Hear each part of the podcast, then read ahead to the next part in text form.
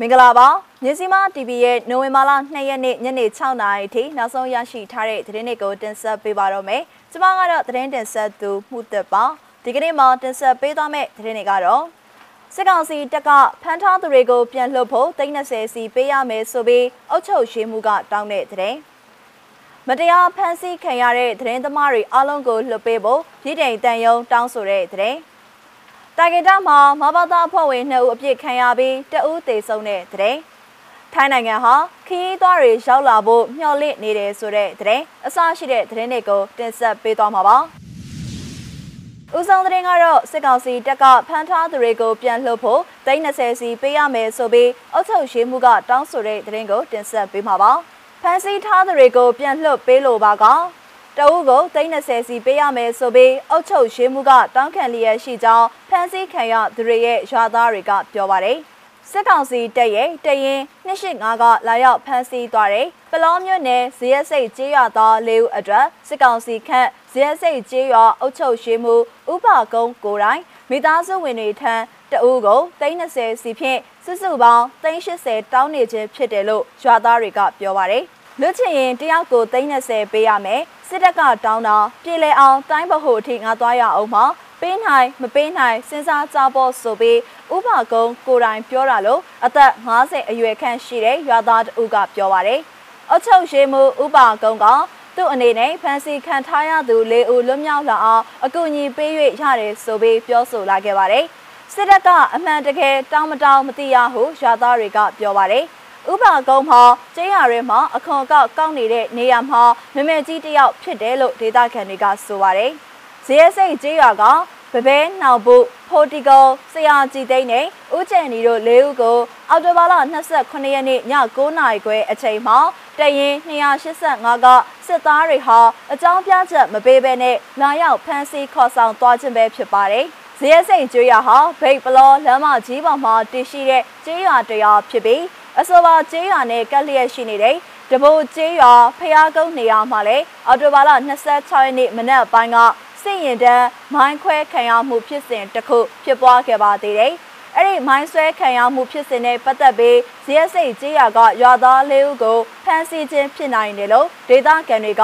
ပြောဆိုနေကြပါတယ်။ဆက်လက်ပြီးတော့မတရားဖမ်းဆီးခံထားရတဲ့သတင်းသမားအားလုံးကိုလွှတ်ပေးဖို့ပြည်ထောင်တန်ယုံတောင်းဆိုတဲ့သတင်းကိုတင်ဆက်ပေးပါမယ်။ မတရားဖမ်းဆီးခံရတဲ့သတင်းသမားတွေအားလုံးကိုလွှတ်ပေးဖို့ပြည်တိုင်တန်ယုံကထုတ်ပြန်တောင်းဆိုလိုက်ပါတယ်။မြန်မာသတင်းသမားတွေဟာသူတို့ရဲ့အလုပ်ကိုရိုးရှင်းစွာထမ်းဆောင်ရုံများဖြင့်တရားစွဲဆိုခြင်းထောင်ချခြင်းနဲ့ညှဉ်းပန်းနှိပ်စက်ခြင်းအန်ဒီရတွေနဲ့ကြုံတွေ့ရလျက်ရှိတာကိုပြည်တိုင်အစိုးရကပြောပါတယ်။ရင်းတောက်တွေပေါ်မှာကျူးလွန်သောအပြစ်မှုတွေအတွက် ပြည်ထန်ကင်းလွတ်ခြင်းမရှိစေရေးနိုင်ငံတကာနှင့်အထိမ်းအမှတ်နေဖြင့်မတရားဖမ်းဆီးခံထားရတဲ့သတင်းသမားအားလုံးကိုလွှတ်ပေးရန်နဲ့သတင်းသမားတွေဟာချိန်ချောက်ခံရခြင်းဒါမှမဟုတ်ဖမ်းဆီးခံရမှာကိုစိုးရိမ်ကြောက်လန့်မှုမရှိဘဲလှုပ်ဆောင်ခွင့်ပြုဖို့တောင်းဆိုတယ်လို့ပြည်ထောင်အစိုးရကထုတ်ပြန်ပါတယ်။ဆရာနာသိမ်းခဲ့တဲ့အချိန်ကနေစပြီးသတင်းသမားတရားကျော်ကိုဖမ်းဆီးခံရပြီးအနည်းဆုံးအယောက်30နီးပါးထိမ့်သိမ်းခံထားရဆဲဖြစ်တဲ့အပြင် အမိခိုကင်းတဲ့မီဒီယာအားလုံးနှီးပါးကိုပိတ်ပစ်ဖို့ကြိုးပမ်းခဲ့တယ်လို့ပြည်ထောင်အစိုးရကထောက်ပြပါတယ်။ဒါအပြင်မြန်မာနိုင်ငံမှာသတင်းမီဒီယာလွတ်လပ်ခွင့်မရှိရင်ဒီမိုကရေစီနဲ့အဓိပ္ပာယ်ရှိတဲ့ရွေးကောက်ပွဲမရှိနိုင်ဆိုပြီးပြည်ထောင်အစိုးရကပြောပါတယ်။ဆီယနာသိမ်းပြီးတဲ့အချိန်ကနေစပြီးမြန်မာနိုင်ငံမှာသတင်းတောက်တွေဖမ်းဆီးထိန်သိမ်းခံထားရပြီးဖမ်းဆီးခံရသူအချို့မှာအ ਨੇ ဆုံးပုံမှန်နှစ်ခုနဲ့အမှုဖွင့်ခံထားရပါတယ်။ ဆက်လက်ပြီးရန်ကုန်တိုင်းတာကေတာမြို့နယ်ကသတင်းကိုတင်ဆက်ပေးပါမယ်။ရန်ကုန်တိုင်းတာကေတာမြို့နယ်မှာသတင်းပေးဒလန်ဆိုပြီးနာမည်ထွက်နေတဲ့မဘာသာအဖွဲ့ဝင်2ဦးတနက်ပြစ်ခံရပြီးတအုပ်တေဆုံးသွားကြောင်းဒေသခံတွေထံကနေသိရပါဗျ။မနေ့ကနိုဝင်ဘာလ၁ရက်နေ့ညပိုင်းကတာကေတာမြို့နယ်ခုနှစ်ရက်ကွက်ဓမ္မယုံအနီးမှာပြစ်ခတ်ခံရခြင်းဖြစ်ပြီးတေဆုံးသူဟာဓမ္မယုံအတွင်ရမှုကိုအောင်ကြီးဆိုသူဖြစ်ကဒဏ်ရာရရှိသူမှာကိုဝူရှူးဆိုသူဖြစ်ပါတယ်။ အောင်ကြီးကတော့တည်သွားတယ်ဝူရှူးဆိုတဲ့သူကထင်ရရတယ်စိတ်ရုံကိုတည်သွားတာတွေ့တယ်သူတို့ကမဘာသာအဖွဲ့ဝင်တွေဝူရှုကအရင်တုန်းကအမျိုးဘာသာသာသနာထောက်ခံပွဲတွေလိုက်တယ်ဆိုပြီးဒေသခံတအုပ်ကပြောပါတယ်တနက်နဲ့သုံးချက်ပြစ်ခတ်သွားခြင်းဖြစ်ပြီးကောင်းအောင်ကြီးမှာနေရာမှာပဲပွဲချင်းပြီးတေဆုံးသွားခဲ့တယ်လို့ဒေသခံတွေကပြောပါတယ်ရှင်။နိုင်ငံတကာသတင်းဘက်မှာတော့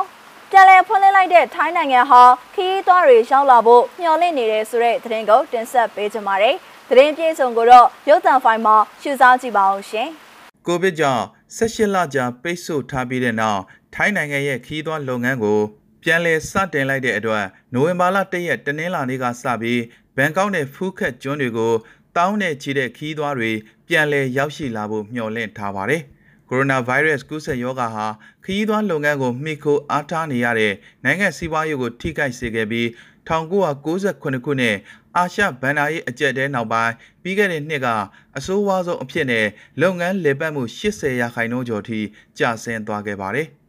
ထိုင်းအာဏာပိုင်တွေကအန်ဒီရဲ့နေပါတဲ့နိုင်ငံပေါင်း60ကျော်ကကာကွယ်ဆေးထိုးနှံပြီးသူခီးသွားတွေကိုဟိုတယ်ကွာရင်တင်းကင်းလွတ်ခွင့်ပြုလိုက်ပြီးအဆိုပါကဏ္ဍအတွက်အလွန်လိုအပ်နေတဲ့အသက်သွေးကြောအဖြစ်ပံ့ပိုးပေးထားပါတယ်။ဘန်ကောက်မှာရှိတဲ့သူဝနဘူမိလေစိတ်နဲ့ဖူးခက်အပီပီဆိုင်ရာလေစိတ်တွေဟာအပန်းဖြေအနားယူဖို့ရောက်လာမဲ့ဧည့်သည်တွေကိုပထမဆုံးလက်ခံဝန်ဆောင်မှုပေးမှာဖြစ်ပြီးကြံတဲ့လေစိတ်တွေကိုလည်းလိုအပ်တယ်လို့ဖွင့်လှစ်သွားမှာဖြစ်ပါတယ်။ အတည်ပြုထားတဲ့စည်ရင်မှာပါတဲ့များစွာသောဥရောပနိုင်ငံတွေအပါအဝင်အမေရိကန်နဲ့တရုတ်နိုင်ငံတွေက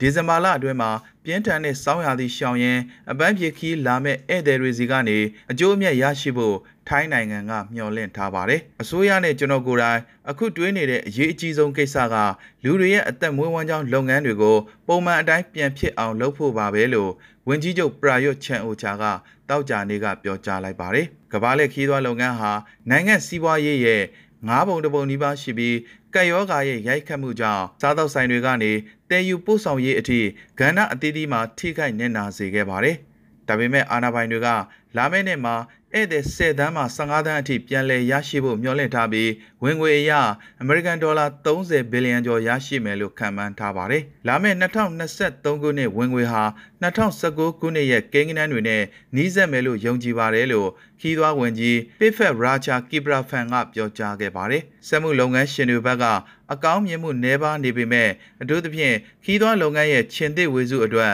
အဓိကအရင်းမြစ်ဖြစ်တဲ့ဒေတာရင်းတရုတ်နိုင်ငံကဝင်လာသူတွေကိုတင်းကျပ်တဲ့ quarantine အစီအစဉ်တွေဆက်လက်ထားရှိဖို့လိုအပ်နေဆဲဖြစ်ပါတယ်။ထိုင်းနိုင်ငံဟာကိုဗစ်ရောဂါကူးစက်မှုတရက်ကို1000နီးပါးအထိဆင်းရှိနေဆဲဖြစ်ပြီး လူဦးရေရဲ့40ရာခိုင်နှုန်းလောက်ပဲကာကွယ်ဆေးအပြည့်အဝထိုးနှံပြီးဖြစ်ပါတယ်။ဘန်ကောက်မှာတော့ကာကွယ်ဆေး2ကြိမ်ထိုးနှံပြီးသူ80ရာခိုင်နှုန်းနီးပါးရှိပါတယ်။မြင်းစီမ TV ရဲ့နိုဝင်ဘာလ2ရက်နေ့ညနေ6နာရီထိနောက်ဆုံးရရှိထားတဲ့သတင်းတွေကိုတင်ဆက်ပေးခဲ့တာပါကြည့်ရှုနားဆင်ပေးခဲ့တဲ့အတွက်ကျေးဇူးတင်ပါတယ်မင်္ဂလာရှိတဲ့ညချမ်းဖြစ်ကြပါစေရှင်